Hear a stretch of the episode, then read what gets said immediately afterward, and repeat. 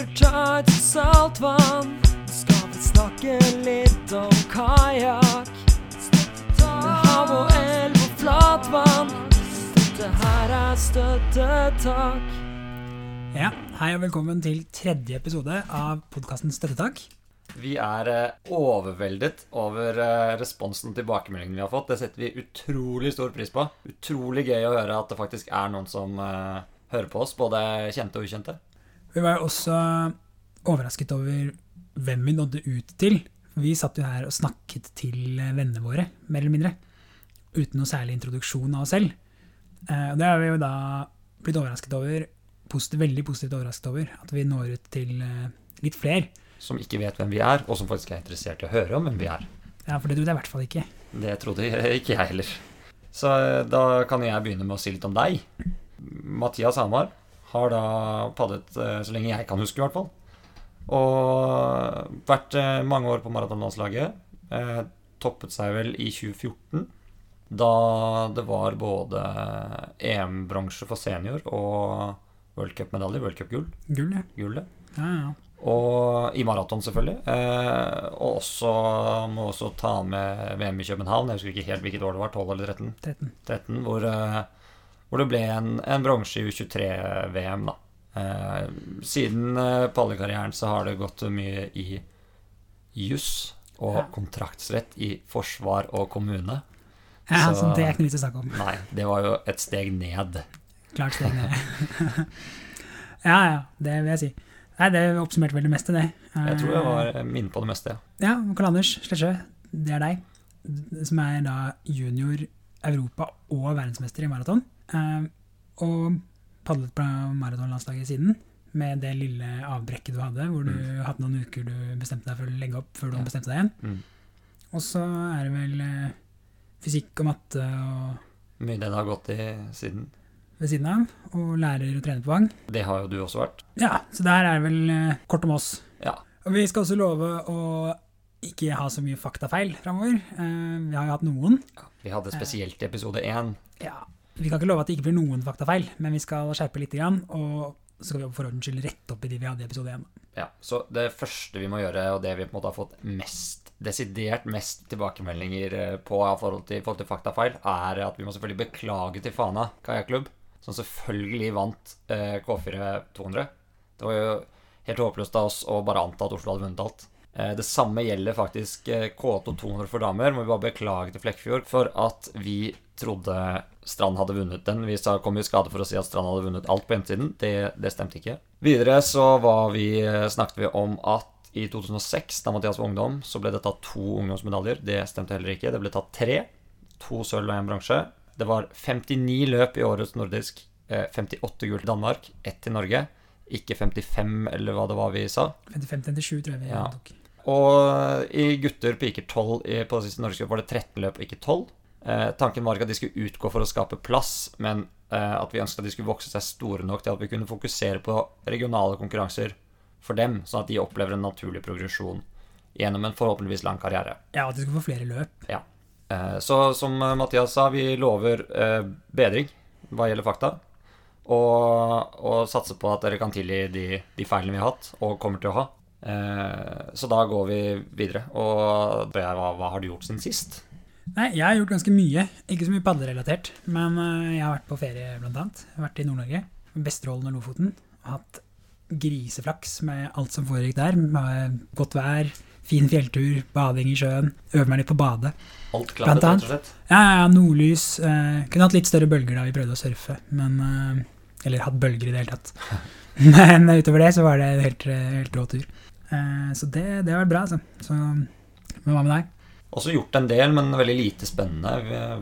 I helgen var jeg jo med på eh, Vi løp en 3000. Jeg løp på 2031. Meget godt fornøyd med det. Kom i mål i, det vi kaller eh, eliteklassen. Og det måtte jo feires. Både underveis og etterpå? Mm. Eh, så det var veldig gøy. Eh, så startet jo sesongen på mandag. Så da er det på sin plass at i dag er første gang jeg trener. Ja, jeg har heller ikke trent, fordi jeg har vært litt småsyk. Litt slow start på, på hele redaksjonen eh, hva gjelder sesongen 2019-2020. Ja, jeg er ikke så bekymret for min sesong, men eh, jeg var mer bekymret for å ikke ha stemme til i dag. så da, da unngikk jeg å trene for mye. Da går vi vel kanskje i gang med innspillene vi har fått, eh, de vi har valgt ut. De som ikke får innspillet sitt på lufta i dag, eh, det kommer. Det er bare at det, det var flere enn vi hadde regnet med. Ja, ja, ja. Så vi, tar, vi har plukket ut de vi eh, syns var eh, passet best under dagens tema. For det senere skal vi jo snakke en del om lagbåt. Mm. Det blir utvidet lagbåtspalt i dag. Eh, men første vi har tatt, er da eh, Som vi har fått inn fra Laukis på Instagram. Ja. Og da er det altså hva som går fortest å padle i av saltvann og ferskvann. Og gjerne med en litt vitenskapelig begrunnelse, ikke bare hva vi selv opplever. Fordi det er vel en sånn opplest sannhet om at det går fortest i saltvann. Uten at man kanskje har noe annet enn uh, egen følelse av det. Og jeg også har vel alltid vært overbevist om at det går ørlite grann fortere. Men du som er fysiker, Anders, du burde jo ha mulighet til å si litt om hvordan dette ser ut på et papir, i hvert fall sånn vitenskapelig. Altså, vi, jeg har uh, gjort en del research faktisk på akkurat dette her. Snakket med, med en del uh, faglig sterke mennesker. Og gjort meg opp mine egne tanker. Søkt litt på internett. Det er sånn at eh, viskositeten for ikke, Vi skal ikke bli veldig tekniske, men eh, noen ord må vi bruke. Viskositeten i vann eh, er satt til 1,00, og viskositeten i saltvann 1,025. Det vil si at eh, det er mer motstand i saltvann Viskositeten er hvor tjukt det er, rett og slett. ja, ikke ja, egenvekten til vannet, på, på en måte. Eh, og det skulle tilsi at, at det er tyngre å padle på i saltvann. Eh, samtidig så har vi noe oppdrift fra saltet. Og en annen ting vi har vært innom så vidt, er eh, at det faktisk gir litt mer kraft at vannet har høyere viskositet, for du får mer motstand på åra også. Eh, det tror vi er neglisjerbart, fordi det tror jeg veldig, spiller veldig liten rolle. Så vet jeg at det er gjort eh, forskning på dette på svømming. Jeg klarte ikke å finne den forskningen, men konklusjonen, så vidt jeg forsto, var at det går bitte lite grann fortere i ferskvann, faktisk. Men i, i svømming så vil vannmotstanden være veldig mye større. Det er veldig mye mer eh, eh, friksjon, rett og slett, på svømmingen. Eh, sånn at det vi har lyst til å konkludere med herfra, er at eh, det er eh, Det kan nok være forskjell, men at den i stor grad er eh, det vi kaller neglisjerbar i fysikk, eller eh, du kan se bort fra den. Fordi ting som temperatur på vann og, og sånne ting spiller ekstremt mye større rolle. Men hvis du padler uten GPS, så kan det vel være at eh, den viskositeten som da øker trykket i åra, oppleves som at det går fortere, da. Det kan nok hende, Bare men følelsesmessig, ikke- hvis du har, det eh, er usikker du Ja, det kan hende at du kjenner den. Ikke at du kjenner den, men man får jo ganske god Når du padler veldig mye, så, får du jo, så føles jo vann ulikt. Ja. Noe oppleves jo fortere. Morten har jo ekstremt god følelse på det. Morten Minde, altså. Ja. Han har bare feilkalibrert den 100% sånn at han sier jo alltid 'her går det fort', og så går det sakte, og omvendt. Men det er jo 100, forskjeller. 100% bom, som er imponerende i seg selv. For det altså, bare at han omkalibrerer det, så er han jo har han jo et ekstrem feeling på de greiene der. Ja. Men det er da egentlig eh, det vi har å si om den saken i denne omgang. Eh, Det kan hende at eh, vi har faktisk fått noen flere fysikkspørsmål om hvordan båter beveger seg i vann og bølgemotstand og sånne ting. Så kan godt hende vi kommer inn på den type tema senere. De som syns dette er interessant, syns jo det er vanvittig interessant. Men eh, ikke for mye om gangen, tenker jeg. Nei, kanskje vi trenger en fysikkjingle, Sivert? Ja. Videre så skal vi rett over på lagbåt allerede, faktisk. Eh, Fordi dagens hovedtema er et veldig interessant tema, syns vi. Eh, Og vi kommer til å snakke en del om det sikkert senere òg. Og det handler om lagbåt, så vi kjører jingle, og så tar vi det derfra. K1, K2, K1, K2, K3, K4 Vi er ikke én, vi er flere lagbåt.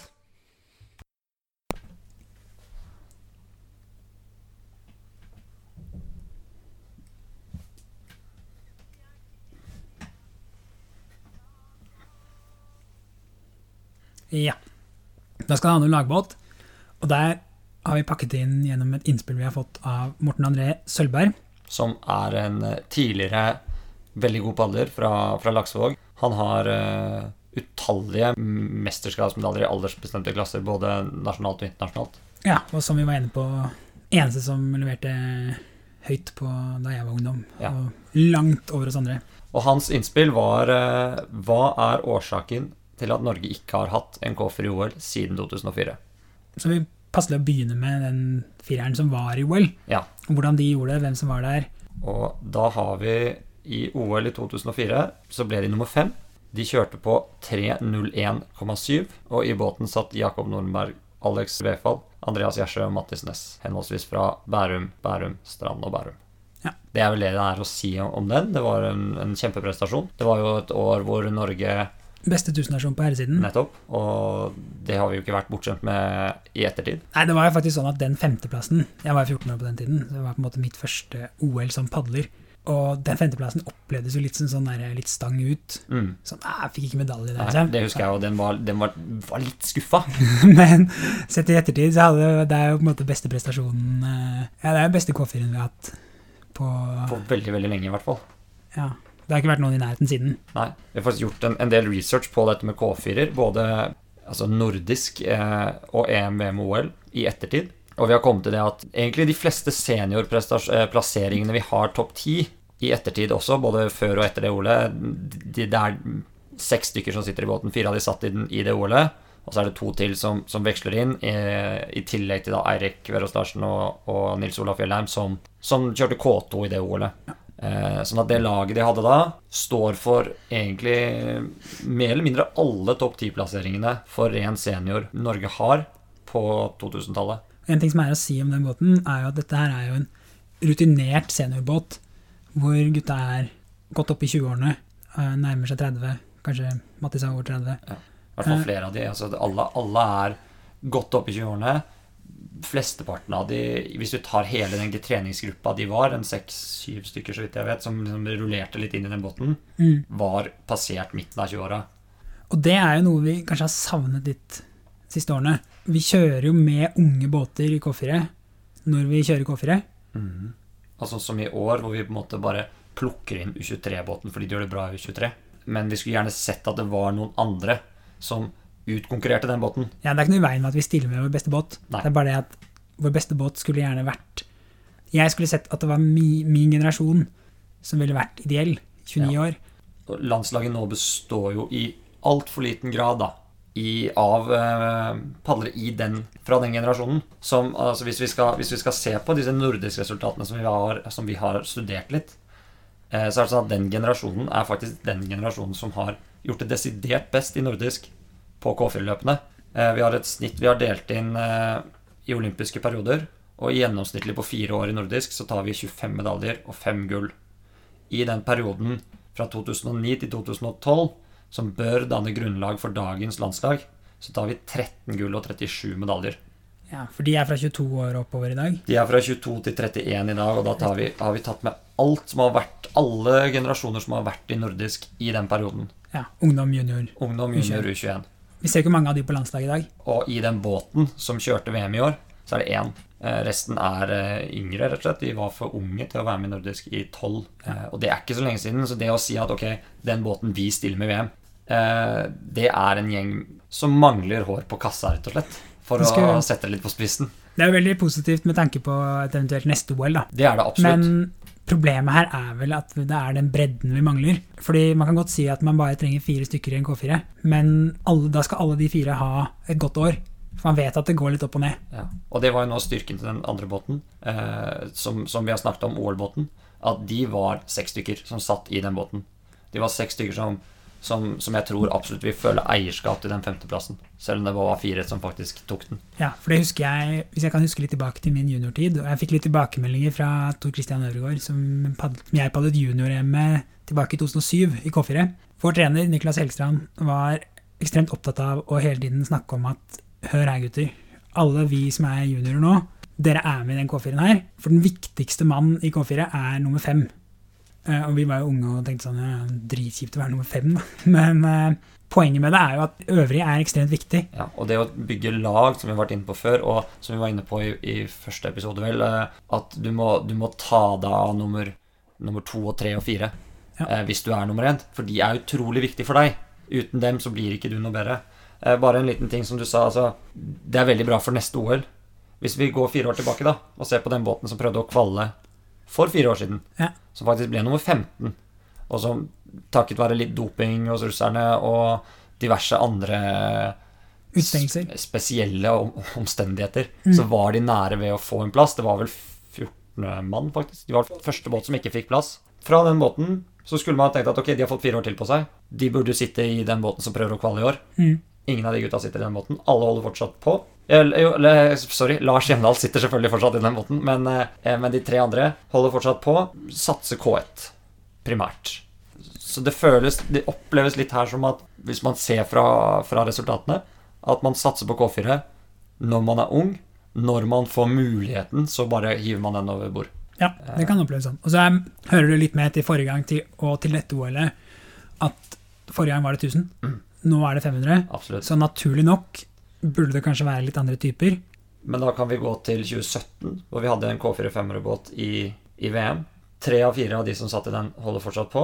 Én av de satt i, i fireren igjen. Det var igjen Lars Hjemdal. Eh, De kjørte både EM og VM, det var et skifte mellom der. Sånn at to av de som var i VM-båten, var faktisk i båten i år også. To år etterpå. Og de kjørte omtrent like fort. Omtrent samme nivå som de viser. Men det er jo K4 500 det er, det er jo ikke en paradegren for Norge. Absolutt ikke. Det er, eh, der har vi faktisk eh, veldig få gode plasseringer. Vi har femteplass fra OL i 2001. VM. EM. EM. Ja, du sa OL, men eh, så bare var det Sa er OL? Ja. Ja, EM. Beklager. EM i 2001.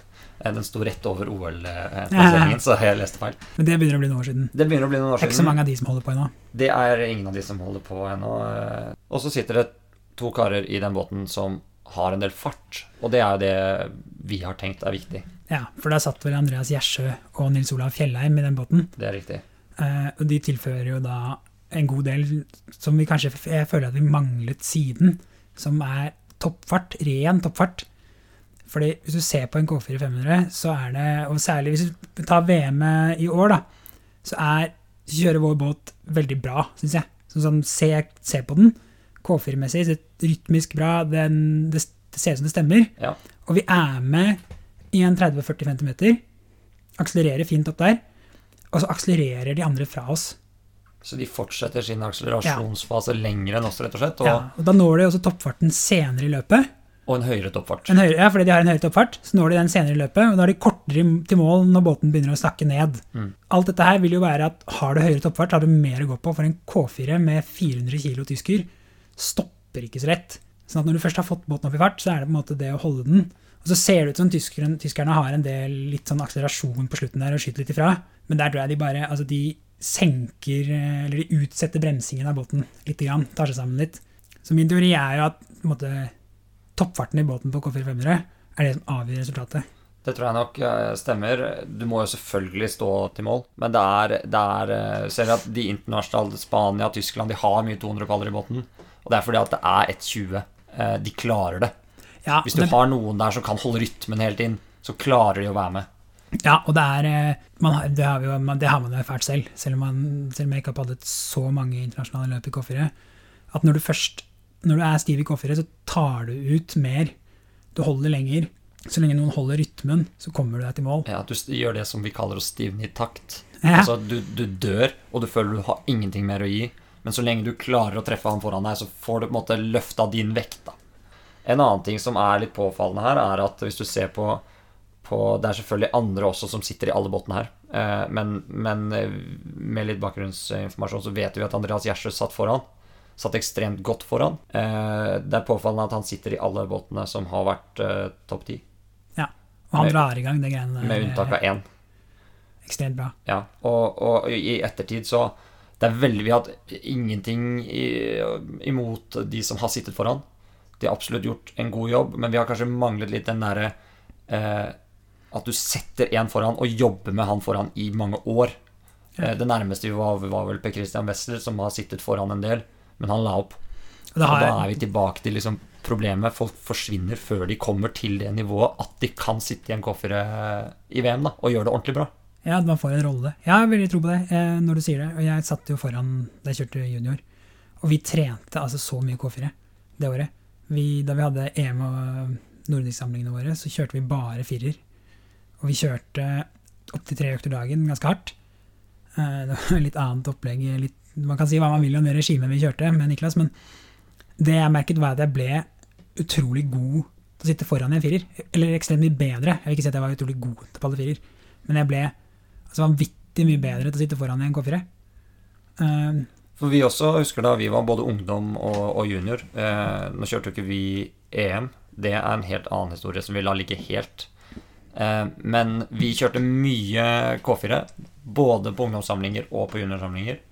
Og vi ble ganske tidlig, kanskje for tidlig, men, men ok, vi ble ganske tidlig låst i roller i en båt. Mm. Eh, Det ble vel låst i allerede som ungdom. Og når vi da ble siste års junior, så var det veldig naturlig hvem som skulle sitte hvor, og hvordan vi skulle bygge det opp. Eh, Og man gikk rett inn i de rollene som man hadde fått da to år tidligere som ungdom, og det fungerte ekstremt bra. Vi, vi fikk ut eh, særlig ett løp som jeg faktisk vil påstå til en dag i dag er det beste sprintløpet jeg har kjørt i hele mitt liv. På K4000 i nordisk, hvor vi bare Det bare funker, da. Og det er så utrolig deilig å sitte i en K4 hvor alle vet hva de skal gjøre, og alle bare execute eh, perfekt, da. Eh, Jeg synes, og det, det stusser jeg litt på når du, når du ser det som vi var inne på i stad, at folk på en måte starter i en K4 når de er 1920-21, og så er det på en måte det der evige jaget etter den K1-plassen, da. Det er dritkjipt å vinne i K1 i forhold til å vinne i K4. Det er så sykt gøy å være en del av lag som bare funker Ja, ja. tenker jeg, da. Min personlige mening her. Og, og, så jeg syns det er utrolig leit at man på en måte jager den K1-en da ut av kanskje gode firere. Det, altså, det jeg tror de aller fleste ville valgt å få et godt resultat i K4 over et middels resultat i K1. Mm. Så det er vel ikke det det går på. Men uh, hvis man kan velge mellom å vinne K1 eller K4, så, så, så er man i en god posisjon uansett. Ja, ja, ja. Men jeg, jeg syns det er eh, Jeg syns ikke den eh, fra ledelsen, egentlig alle årene jeg har vært med, aldri det har vært bare klink, nå er det K4 som gjelder. Fra topp til bunn. Altså ungdommene satser K4, juniorene satser K4, U21, U23, senior. At det er det som er fokus, og at man virkelig går for det.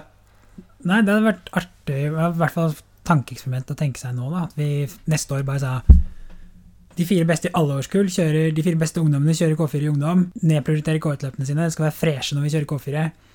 Oppover i hele veien. Hvis det hadde gått noen år, om, man, om det hadde hatt noe å si for hvor mange som fortsatte. Ja, Hvis vi også tar og legger inn i det tankeeksperimentet at at vi tar eh, fem-seks fra hvert kull og kjører de i en K4-gruppe der vi rullerer på en som sitter i. De får roller. De får roller fra de er små, fra de er junior i hvert fall. Så har de roller i disse båtene. Kanskje to roller i og med at det er, skal byttes litt på. Men at man lar det At man er den man jobber med. Og hvis folk da holder lenger, så kommer du opp i senior, og du er jævlig god til å sitte i tredje hullet. Du er jævlig god til å sitte i fjerde hullet. Og du plukker noen fra hver generasjon, og du er Kanskje om du får en bedre båt ut av det, da. Og i hvert fall om du får noen som tenker at ok, K4 er, det er min greie. Det er det jeg liker, det er det jeg får til. Jeg føler meg bedre enn K4 enn en K1. For jeg tror grunnen til det jaget, det er at folk er for utrygge på rollene sine i den fireren.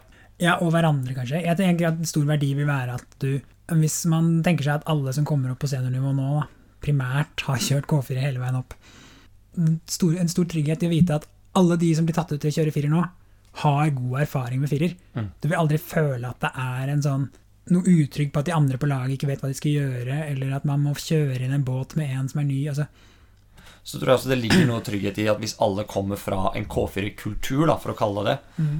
så tror jeg det at man slipper den For jeg tror mange går og kjenner litt på den utryggheten at ok, vi er en firer nå, men i det øyeblikk en av oss blir bedre, så hopper han ut. ja, ja. Eh, Men hvis du har en K4-kultur i kjernen på det, så, så føler du deg tryggere på at de som er med på dette her, de er med på det fordi de syns det er det feteste. Altså de, Det er det de kan, det er det de vil, det er det de liker. Eh, Og det tror jeg, den tryggheten tror jeg er vel så viktig som den at ok, du stoler på at han faktisk gjør jobben sin. Fordi det kan du utvikle i løpet av eh, litt kortere tid, i hvert fall. ja, jeg mener mer at man bare K4 er det man kommer opp med. De man sitter med, de vet også hva de skal gjøre. Det er helt naturlig. Og man har ikke den derre Litt sånn som det blir nå, da. Man blir kasta opp i en firer, og så får man noen uker på å kjøre det inn. Eh, Man har noen gode og noen dårlige opplevelser. Man vet ikke helt hva man går til, for det man har kjørt mot, er, på, er følgebåten på Årungen. Mm. Men man har opp igjennom erfart masse gode og dårlige resultater i K4. Alle sammen med forskjellige folk. Så spiller det ikke så stor rolle hvem det er som hopper oppi.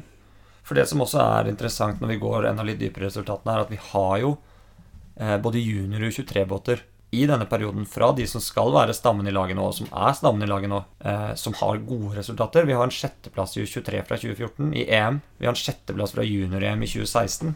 Eh, vi har åttendeplass fra U23-EM i 2009. Det er kanskje litt lenge siden. Eh, det er bare én av de over den båten som fortsatt holder på. Eh, men vi har flere 9, 10, 11 fra både junior og U23 i 2019, 16, 15 Altså det, det er flere her som på en måte ligger i skorpa på å kunne være noe som kunne blitt bra, hvis man hadde sementert det litt mer, da. Ja, og så er det jo, selv om de ikke holder på nå, så man kan tenke seg at flere, noe av ideen var vel at flere skulle holde på, dersom det var sånn at eh, K4 var prioritert. For da er det fire plasser som er ønskelig å få. Når, når alle ønsker seg den samme eneplassen, så er det jo lettere å tenke at når du er femte-sjettemann i køen, så er det lettere å gi seg. Men så er du femte-sjettemann, hvis det er K4 som gjelder, så er du jo bare, da er du rett bak. Er du femtemann, så er du viktigste på laget. Som Ja, og hvis man selger inn den ideen, at femtemann er viktigst på laget, så er det lettere å være femtemann også. Da Ja, føler du deg tryggere på at ok, men jeg har en rolle. Det er en, det er en sjanse for at jeg skal sitte i den båten både enten nå eller om, om mange år. Og det vil jeg faktisk skryte av eh, Jeg tror det var Jakob Nordenberg, men nå kan jeg dele skryt i feil retning.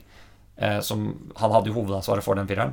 Jeg tror det var han som hadde eh, sagt til Mathias Horn at ok, det var du som ikke fikk være med, men du er fortsatt en veldig viktig del av satsingen fremover, og K4-satsingen, og du er fortsatt en del av denne båten. Og det som kanskje er mest påfallende med dette, da, det er at Jakob Nordberg har opplevd selv å være nummer fem i den båten.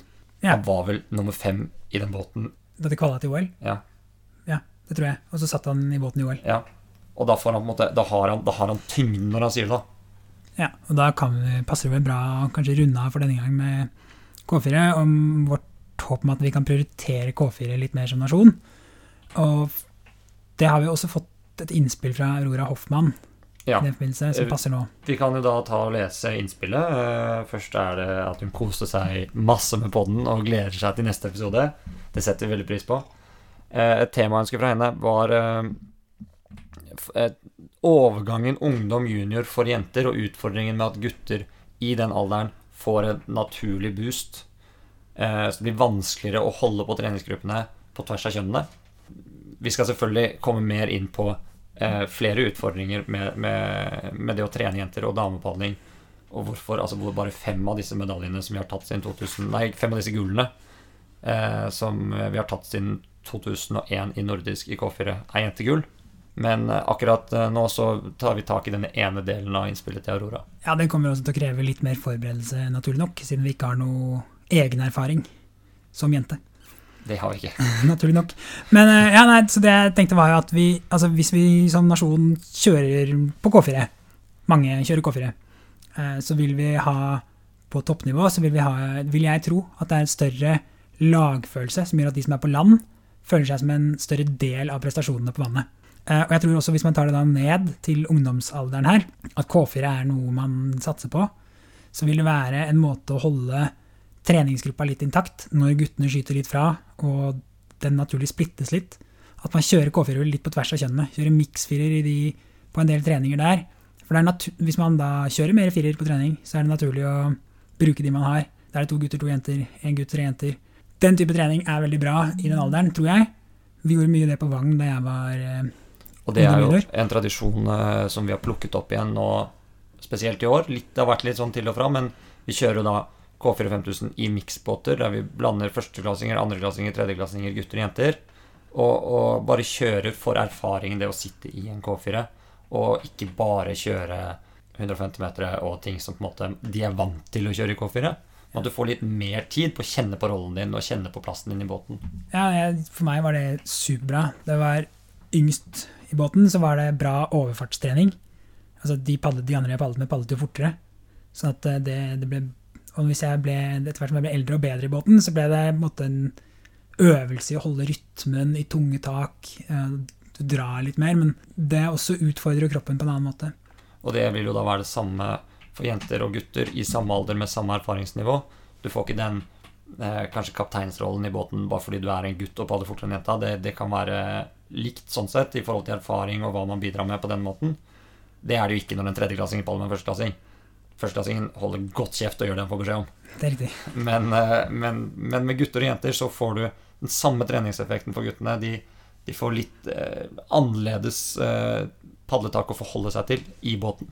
Mm. Eh, og for jentene så blir det en vanvittig bra overfartstrening og Og også for dem K4-trening, lagbåttrening selvfølgelig. Ja, for det er vanskelig å få tak i fire jenter til å padle en firer. I hvert fall i klubber. Altså Ja. i hvert fall i klubbene så er det jo veldig få klubber som kan si at vi kjører en jente-K4 en gang i uka. Ja, men også på landslagsnivå. Vi har- var inne på hvor mange resultater vi har for damer internasjonalt. Ja, vi har faktisk Altså, vi prøvde Vi har gått gjennom resultatene, og det har jo blitt litt eh, skjevfordelt at vi har snakket mye om gutter. Men det er rett og slett fordi at siden 2001 så har vi ingen plasseringer, dvs. Si finaleplasseringer i enten A, B eller C eller D-finaler for damer i K4 i EM, VM eller OL. Og, og som nevnt fem gull av 30 i nordisk Er gutter. Er jenter. Ja, fem er 20 ja, som omvendt. ja, 25 ja, er gutter. Så det, det er jo en, en kjempeinteressant problemstilling, eh, som da er resten av det innspillet til Aurora. Eh, som vi helt sikkert kommer innom. Eh, men som sagt, da må vi forberede oss litt. Vi må kanskje invitere inn en, en, en gjest som har erfaring med det å være jente. Ja. Det er ikke så dumt, kanskje. Eh, fordi begge vi har jo, både på Vang og i andre roller, vært trener for jenter. Så ikke helt uh, borte i natta, men jeg tror ikke vi skal begi oss ut på den akkurat nå. Nei. Det vi derimot skal begi oss ut på akkurat nå, det er et innspill fra Kristoffer Melstad. Han skriver Hei, først, bra pod. Lagbåtinnspill. Hva tenker dere om å organisere NM sånn som man gjør i Danmark? Der man ikke nødvendigvis trenger å være fra samme klubb for å kjøre nasjonalt mesterskap. Vil dette kunne føre til mer fighting på hver distanse og høyere nivå på hvert løp? Eller er det motsatt? Hilsen Iuga-fan. Da tar vi utgangspunkt i at eh, det selvfølgelig er lagbåtmesterskap det er snakk om. Det presiserer han vel for så vidt i starten. Men eh, umiddelbart, eh, den umiddelbare tankegangen er jo at dette kan gi et høyere nivå, eh, i hvert fall på, på vinnerbåtene. Eh, det åpner for, det åpner for at, at folk som ikke har store klubber, ikke mange å kjøre med, kanskje får det ved at de kan finne seg noen fra en annen klubb. Og i utgangspunktet så tenker man jo at det vil heve nivået og, og fightingen som, som vi er inne på her. Men, men vi ser også utfordringer. Ja, jeg tror det vil heve nivået på den beste båten, som du sier. For det naturlige er vel at hvis man er én eller to på distansen, at man finner seg den andre som er én eller to på distansen, setter seg sammen og Tar NM-gull. NM-gull greiest mulig. Eh, og da vil det jo ikke nødvendigvis heve eller øke fightingen på distansene, fordi at eh, rett og slett man vil jo sikre seg de gullene man kan få, skulle jeg tro. Eh, og så vil det være andre utfordringer med hvordan disse båtene skal fordele seg. Ja, for det akkurat det jeg tenker, Hvordan gjør de det i Danmark? Vet vi det? Nei. Altså, Er det noen som velger de, eller får de velge seg selv? Hva hvis du ikke blir valgt? Hva hvis du ikke blir valgt? Hva, hvis, hva, hvis, hva, hvis, altså, hva gjør det med selvtilliten din da, og ønsket om å fortsette å falle hvis du er nummer to på 1000 i Norge, og ingen vil kjøre K2 med deg? Eller K4, da. Eller K4. Ennå er det ikke tatt ut til, til andre fireren engang. Ja, men det, ja, det blir jo ikke den første og andre firer, egentlig. For det bare, du må jo bare lage allianser. Det blir jo et eh, sånn Det reality-show. det blir jo Det kunne vært Altså, vi kunne jo kjørt uh, Timothy Dale som vinner alle sammen. Ja. Det hadde vært gøy å stenge alle padlerne inne på Årungen i to uker før dette her. Du, må, du får to uker låst på Årungen. Du må bygge en, et lag. Ja, nå høres vi veldig negative ut, men hører jeg, men det, også, det vil jo være klare fordeler ved at nivået på hver distanse altså en. Kall det en verdig vinner i hver, på hver distanse. Alle som vinner NM-gull, har vunnet NM-gull, for å slå fast det. Men uh, at den båten som vinner NM-gull, har høyest mulig nivå, er jo også et mål, vil jeg si. Ja, og det er jo et mål som man absolutt oppnår med en sånn type løsning. Mm. De, de beste får mer, for å si det sånn. Ja. Så er det lett for oss å sitte i Strand, som har eh, en god, jeg vil si en god bredde. Mm. Eh, vi er mange padlere. Vi stiller K4 i alle løp, eh, og K2. Det er lett å finne seg båter. Til og med jeg fikk jo kjøre litt i år. Eh, det er lett for oss å si at det er, vi må ha klubb. Um, klubbbåter er best. Fordi for oss eh, Jeg opplever det iallfall sånn at eh, for meg så er det veldig gøy å få kjøre en fra Strand. Jeg har både vokst opp her og syns det er ålreit. Men jeg skjønner jo argumenter fra andre klubber. Ja, vi er- ser jo, altså, eh, For å nevne ett eksempel eh, som slår meg med en gang, da. Eh, Hakim Teland. For så vidt kanskje Jo Sondre Solhaug også, fra henholdsvis da Kristiansand og Asker. Ja. Landslagspadlere, høyt nivå. Får jo ikke kjørt lagbåt-NM, rett og slett fordi de er den eneste, både senioren og junioren, i sin klubb. Mm. Eh, sånn at de, de faller jo helt utenfor det stevnet. Mm. Og dette hadde jo gjort noe med det, eh, men jeg tror kanskje Og det hadde jo hevet nivået på, på, på, på de beste, eh, men jeg tror likevel Jeg vil i hvert fall si at nedsiden er større, men at jeg tror ikke disse privatlandslagene, eller disse avdankede strandpadlerne, Oslo-padlerne fra de store klubbene, dukker opp med den samme entusiasmen hvis de ikke kjører for sin klubb, som de på en måte er, har vært genuint opptatt av i mange år. Og en del av miljøet, og det miljøet er på en måte det de representerer. Ja, pluss at hvis de beste båtene blir veldig mye bedre, så får jo sånne som eh, meg, da, litt mer juling. Ja, Sånn og det, at eh, det har vi motivasjonen vært- for å dukke opp det har vi vært inne på i K1 allerede, så er jo det en, en utfordring. Eh, vi mangler nummer 12, 13, 14, 15 til Ja. å stille opp på stevner. Og det blir ikke noe lettere hvis vi topper norske, gode båter i NM. Eh, nå har ikke jeg noe det, forberedt meg på noen DM-resultater, men det jeg har sett, da, sånn vagt i minnet, så er det ikke veldig mange båter i disse lagbåtløpene. Nei, og det vet jeg ikke noe om, men eh, og uansett så er det jo trygt å slå fast at bredden i Danmark, den er på et helt annet, en helt annen planet enn det Ja. vi stiller med her. Ja. Det har vi jo vært inne på til gangs. Vi eh, sier takk for innspillet. Vi tror absolutt at det hadde hevet nivået, men eh, til hvilken pris? kanskje. Men det kunne kanskje være en mellomting at man lar eh, single padlere i gåseøynene, Jo Sondre, ja. få hoppe inn i andre båter. Man har en annen idrett jeg bedriver, bandy. Eh, slått, så får man lov å slå sammen klubber i andre divisjon, i bånn. De som er dårligst. Eh, og det gjør at vi som er der, vi får noen å spille mot. Men det man også kunne tenkt på, da, det er jo, som du sier, en mellomting. At ok, har du seniorer, har du to seniorer, en senior, en junior, to juniorer, whatever, da må du kjøre klubb. Hvis du er helt aleine fra, fra 16 år og opp i din klubb, og det er noen andre som også er det, ok, da hadde Jølle og Hakim kommet på samme lag, og det hadde kanskje vært opplevdes urettferdig for noen. Eh, men så må vi spørre oss selv, er det, er det mer urettferdig enn at de ikke får kjøre i det hele tatt? Og er det ikke, altså hvor urettferdig er det? De er jo urettferdige fordi de er gode. Og det er ikke ulovlig å være god. Og at gode padlere vinner NM, det er ikke urettferdig. Nei. Så kunne man på en måte sett på en sånn type mellomting at for å få inkludert alle på det stevnet, for det er jo et utrolig hyggelig stevne, et utrolig morsomt stevne å være med på. Og jeg syns jo oppriktig synd på de single, single padlerne i de klubbene som ikke får vært med på den, den stemningen det er, da. Mm. Så jeg skjønner jo Hakim som, som hadde noen år eh, som eh, gjestepadler i Fana, nettopp for å få være med på dette her. Ja. Og det tar oss kanskje videre til det andre eh, vi har vært litt inne på når det gjelder lagbot-NM, og NM for øvrig. At eh, når, når det er så hyggelig, hvorfor ikke kanskje se litt til Sverige, da, et annet naboland, som kjører en hel uke hvor de gjennomfører alle nasjonale løp, K1 og lagbåt. Og der har vi jo da eh, tenkt på at det må jo da virkelig gi klubbfølelse. Eh, Å være en uke samlet som klubb. Eh, det, går, det kan kanskje gå litt grann utover nivået, i og med at alle kan faktisk ikke kjøre tre løp om dagen i seks dager, eller fem dager, eller hvor lenge de holder på. Nei, men hvis jeg hadde vært med, så ville jeg jo ikke gjort det. Jeg ville jo kjørt, eh, ville jo plukket litt. Jeg Ja. har jo ikke kjørt, kjørte ikke K1-200 da jeg var aktiv engang. Nei, nettopp, men, men de beste også blir nødt til å plukke litt. Ja. Så, så på noen distanser altså, på noen distanser så vil du miste de beste. Sannsynligvis ikke gårdløpene. Men det vil gå utover nivået på enkelte løp i NM, det er jeg ganske sikker på. Fordi som du sier, man må velge, man kan ikke kjøre alt. Men jeg tror det ville vært en veldig hyggelig uke for, både for klubben og for norsk padling for øvrig. Mm. Man får god tid. eh, men jeg tror Og tenk alle ryktene.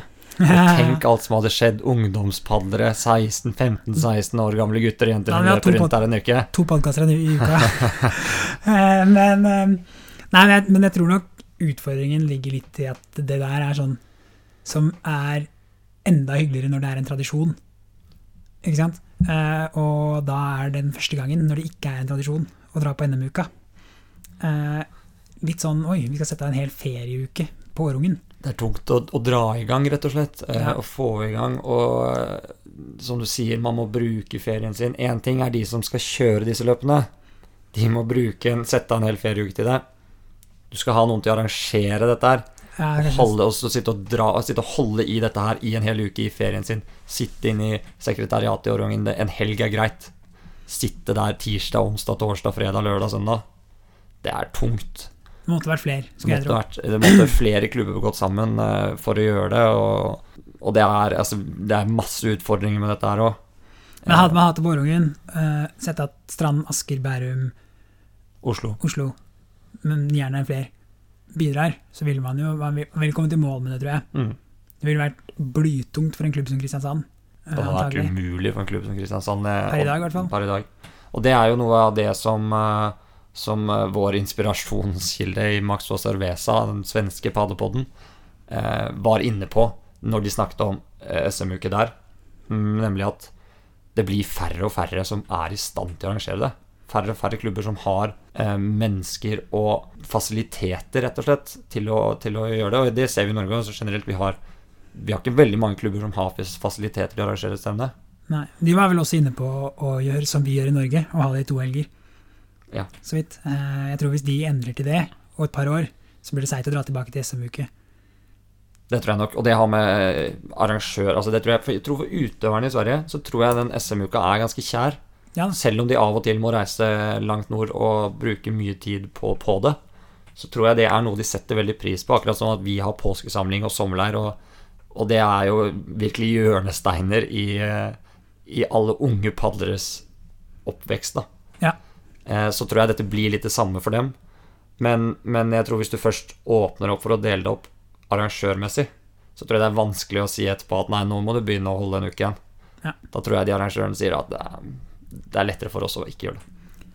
Men ja, det er jo, vi finner jo måter å Hvis vi hadde, hvis Stortinget, eller noen over, langt over norsk padling, hadde bestemt at nå skal det være sånn, så hadde vi vært i stand til å få det til i norsk padling. Ja. Tror jeg. Eh, Og om forbundet måtte hatt en slags mal på hvordan det skulle gjøres, og at alle klubbene må bidra med så og så mange frivillige, en eller annen måte å gjøre det på. Men det er jo ikke gitt at det hadde blitt så mye bedre. Det hadde blitt en kul uke for de aktive padlerne, tror jeg. Eh, Men om det er kulere enn sånn vi har i dag, hvor lagbåthelgen tross alt er en sånn slags Det er jo isolert sett altså Det er jo på en måte bare moro. Ja, for du trekker ut eh, alt både med, både, Det har både en positiv og negativ side, selvfølgelig. Du trekker ut alt som er ah, seriøs konkurransepadling fra den helgen, eh, og sitter igjen med, med Nå hører jeg at jeg driver og undergraver lagbåt-NM som, som konkurranse. Det mener jeg ikke. Ja, altså du trekker ut det den litt sånn alvoret på land. Ja. Fordi når du først er på vannet i lagbåt-NM, da er det jo blodseriøs Ja, konkurransepadling. er absolutt. eh, Da, det, da dør man for det, den medaljen. Det er bare det at man tar seg en ekstra vaffel i- mellom løpene, og kanskje man går på vannet fem-ti minutter seinere, eller enda senere. Og har litt lavere skuldre. Og det er lettere å på en måte også et, føler sånn, Selv om lagbåt-NM kanskje burde være et sted der hvor, der hvor klubben er enda mer delt, så føler jeg at lagbåt-NM er det stedet det er lettest å bare gå og sette seg i teltet til en annen klubb og si 'halla'. Det gjør man ikke i KTNM. Nei, vi gjør kanskje ikke det. Ikke på samme måte, i hvert fall. Altså, da, da spør du mer om det er greit at jeg kommer på besøk. Mens i lagbåt-NM så er det bare 'halla, her er jeg'. Ja, men jeg tror padling er en sånn sett, relativt til andre idretter ganske åpen og inkluderende klubb mellom, klubbene seg imellom. Hører noen eh, ganske sjuke greier fra skistevner rundt omkring. Ja, det vet jeg veldig lite om. Har aldri vært på Jeg har gått naborunden da jeg var åtte. Ja, nei, jeg har bare gått Haslundsprinten eller noe, det ni, så jeg skal ikke Men jeg vet jo at det er eh, smøring eh, langt ned i alderen. Holdes eh, tett i brystet i langrenn og den type ting. Og at det i padling er Åpenhet, i hvert fall mellom klubbene, om ikke den går helt opp alltid. Ja, vi runder av NM, Vi runder av NM. og så skal vi hedre litt. Ja. En, eh, En mann som har vært veldig viktig for uh, det vi har drevet med i alle år, og utviklingen av det, altså maratonpadling, uh, gjennom uh, ICFs maratonkomité. Det, det er Jørn Kronberg vi snakker om. Ja, Han er en danske som har bodd i Norge de siste årene. Han var helt sentral for å opprette maraton som egen VM-gren i sin tid, og har egentlig vært pådriver for maraton-VM, eller maraton som padlegren, i en 40 år nesten nå, og har vært viktig for at vi fikk VM til Norge. Uh, han gikk bort nå for uh, en uke siden. Um, ja, Så vi vil rett og slett bare hedre han litt. Uh, Jeg har jo personlig møtt han mange ganger. Hadde godt forhold. Sist nå i Worldcupen i Sandvika. Um, Så det var utrolig trist. Utrolig trist. Det er en mann med som har tid til, til alle, og som du virkelig følte selv, selv jeg, som ikke har møtt han så mange ganger, er mer som utøver. Du har jo noe funksjonærrolle innimellom òg. Men du føler, følte han tok, deg, tok seg tid til å virkelig se deg og spørre, og, og var genuint interessert i hva du syns. Ja, det er veldig sjelden man møter ledere som er så til stede når man snakker med folk helt ned i utøvernivå, og finner en glede i alt som foregår. Um, Så vi vil bare takke han for eh, alt han har gjort for maratonpadling. Og vi ønsker å eh, hedre Jørn med å ta maratonpadlingen videre den retningen han har staket ut. Og i denne tiden går tankene våre til familien og de nærmeste. Så det var en trist del av podkasten, Mhm. men eh, det var eh, for oss personlig en eh, viktig å nevne, i hvert fall. Så, men nå skal vi da igjen videre til eh, Happier. Ja. Og det er da igjen Vi har fått litt kommentarer på at vi kårer månedens baller en gang i uka. Men det er som jeg har sagt, det er bare et navn. Det har vi ikke tenkt å slutte med. Det har vi ikke tenkt å slutte med. Vi kommer til å kåre månedspadler hver gang. Og om folk syns det er for mange månedspadler, så får det være deres problem. Ja, det måtte jo være hvis vi kommer midtvinters og det ikke skjer noe. Men Så er det dumt å ha brukt opp alle, mener du? Nei, nei, folk kan bli det flere ganger. Det er bare det at det må Altså, begrunnelsen må jo være der. Og hvis ikke det er noen å kåre, så Så kårer vi oss selv. Nettopp. Men eh, vi kjører jingle og kårer månedens paller. Blir det Øssa, Lissi eller Lavrans? Anna Babben, Lars Magne eller Biff? Eller blir det kanskje Musjern eller Gusjern? Eller hva med han der blonde duden Fritz? Nå skal vi kåre månedens padler. Yes, vi har fått uh, et innspill på månedens padler, eller nominasjon, som det faktisk heter uh, så fint i meldingen. Uh, vi skulle gjerne hatt flere konkurrenter til han. Men vi syns begrunnelsen og innspillet er såpass godt at vi, vi bare går for det, rett og slett. Begrunnelsen her er, står seg, og det er en verdig månedens padler vi har fått inn. Det er Martin Minde. Den begrunnelsen den leser jeg som den er. Martin har vært en strålende trener i SKK i mer enn syv år. Hans evne til å se alle utøverne, vise omsorg, støtte og veiledning, samtidig som han setter krav og utvikler gode padlere, er imponerende. I Facebook-gruppen 2002-2004, altså for utøverne i den alderen, kan dere lese mer. Sitatet fra en av foreldrene er Sender mange, mange takk til Martin, fra oss også. Martin har virkelig gjort en uvurderlig forskjell for våre unge utøvere som trenger retning, veiledning, oppfølging, tydelige tilbakemeldinger og være et godt forbilde. Støtten og motivasjonen som er kommet dem til gode gjennom Martin og treningstilbudet i Strand, har også bidratt sterkt til at de har fått en god ungdomstid. Å klare å holde stor respekt, men samtidig utgjøre en så stor trygghet for ungdommen, er helt unik. Martin vil bli savnet. Og det har seg da at han skal slutte som klubbtrener i Strand. Så det er derfor dette har eh, blitt eh, Det er ikke fordi han har forsvunnet bort, Nei. men eh, Det vi også kan nevne da for eh, lyttere som ikke er så kjent med hvem dette er, Martin Minde, broren til Morten Minde, som vi hadde besøk av sist, eh, har drevet med padling i, i strandkarklubb i, i mange år som aktiv. Ga seg som Førsteårs senior. førsteårs senior, ja. Og hadde noen år borte med studier og andre ting. Før han kom tilbake som trener da for syv år siden. Og, og jeg kan, eh, tror jeg kan snakke for hele Strandkajakklubben når jeg sier at vi er veldig takknemlige for det han har gjort, og at vi setter stor pris på det. Og det burde vi vært flinkere til å vise i den tiden han eh, var trener òg, og ikke vente til han gir seg før man på en måte virkelig setter pris på det. Og med den eh, kåringen så nærmer vi oss faktisk slutten av tredje episode. ja, det er jo helt utrolig. Det er faktisk helt utrolig. Jeg har kost meg. Jeg har også kost meg. Håper dere har kost dere. Eh, Det var vel ikke gull denne gangen heller. Men det var noe. Noe var det. Noe var det. Og til neste gang så sier vi bare Ta noe støttetak, da. takk for nå. Takk for nå. Skal vi snakke litt om kajakk? Hav og elv og flatvann.